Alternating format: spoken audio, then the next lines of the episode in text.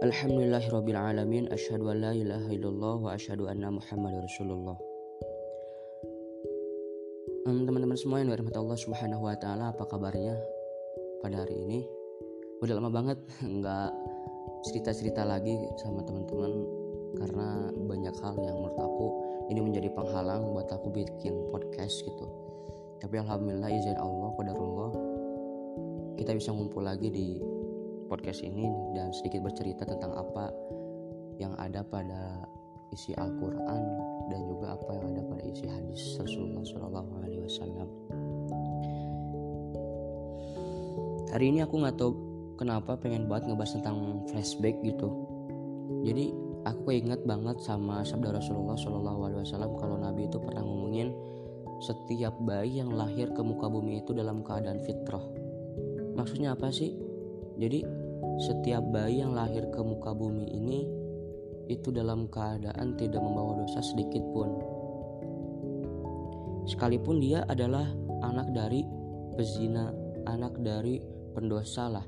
Jadi orang tuanya itu selalu mengarah atau selalu berbuat terhadap hal-hal yang sifatnya negatif gitu, hal-hal yang bersifat dosa gitu, berdosa banget. Jadi walaupun anaknya itu terlahir dari orang tua yang seperti itu tetap gitu. Dia dalam keadaan fitrah baik itu dalam keadaan dia tidak membawa dosa sedikit pun dari apa yang dikerjakan oleh orang tuanya.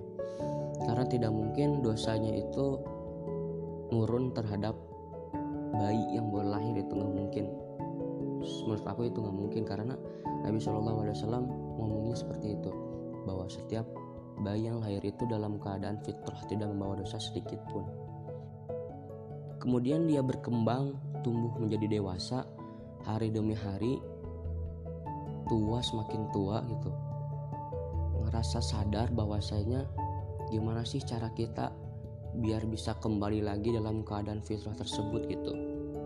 Mungkin ini yang menjadi bahan pembahasan kita pada saat ini gitu. Bagaimana kita bisa uh, baik lagi ke tempat kita semula bahwasanya kita itu tidak membawa sesedikit pun gitu jadi banyak banget hari ini berita-berita yang diinformasikan oleh awak media gitu bahwasanya angka kematian dari virus COVID-19 ini tentunya semakin hari semakin meningkat.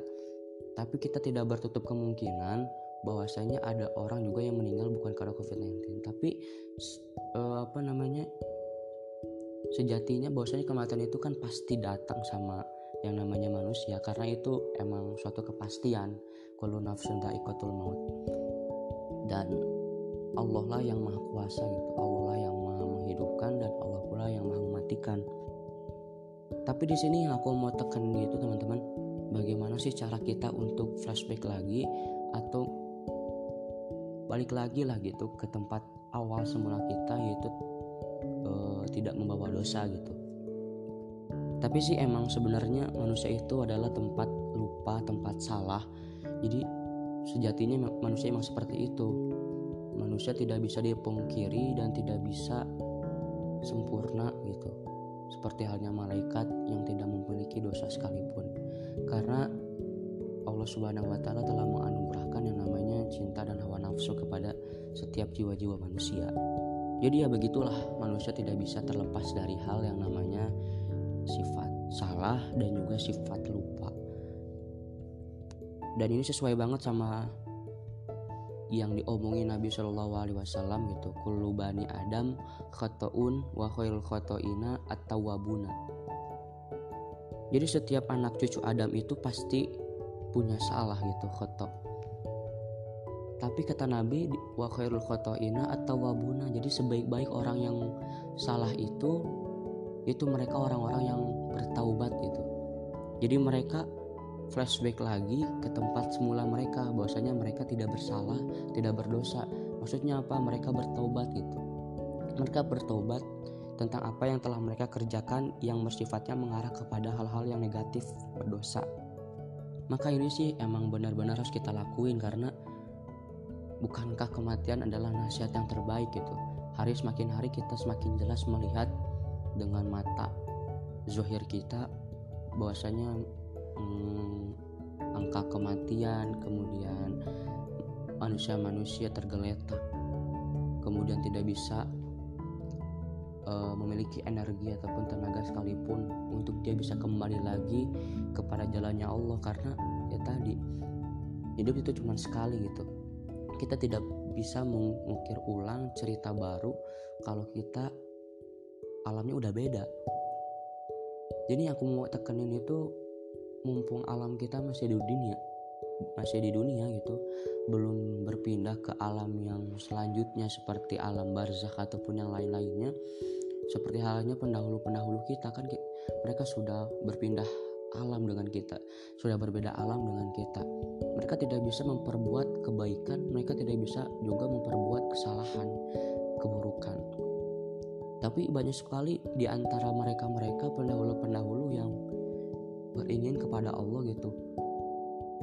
Pengen dikasih waktu sebentar aja untuk bisa kembali lagi ke dunia ini hanya untuk sekedar berbuat baik gitu walaupun hanya semenit walaupun hanya sejam sehari sebulan dan setahun. Tapi kata Allah dah ya ini nggak bisa nggak bisa terjadi gitu. Kalau ajal kita sudah sampai ke diri kita malaikat sudah berenggut nyawa kita ya kita tidak bisa apa-apa.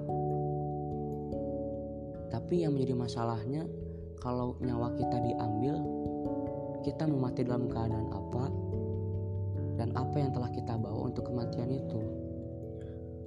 Mungkin yang menjadi bahan simpulan dari cerita kita pada kali ini gitu bagaimana sih cara kita untuk bisa flashback lagi ke tempat semula kita bahwasanya kita itu lahir dalam keadaan fitrah dan kita pun inginnya mati pun dalam keadaan fitrah juga gitu. Walaupun memang sih kita tidak bisa seperti itu tapi setidaknya ada ikhtiar kita ada suatu bukti kita bahwasanya kita itu adalah hamba-hamba pendosa dan sebaik-baik hamba pendosa adalah mereka orang-orang yang bertaubat gitu.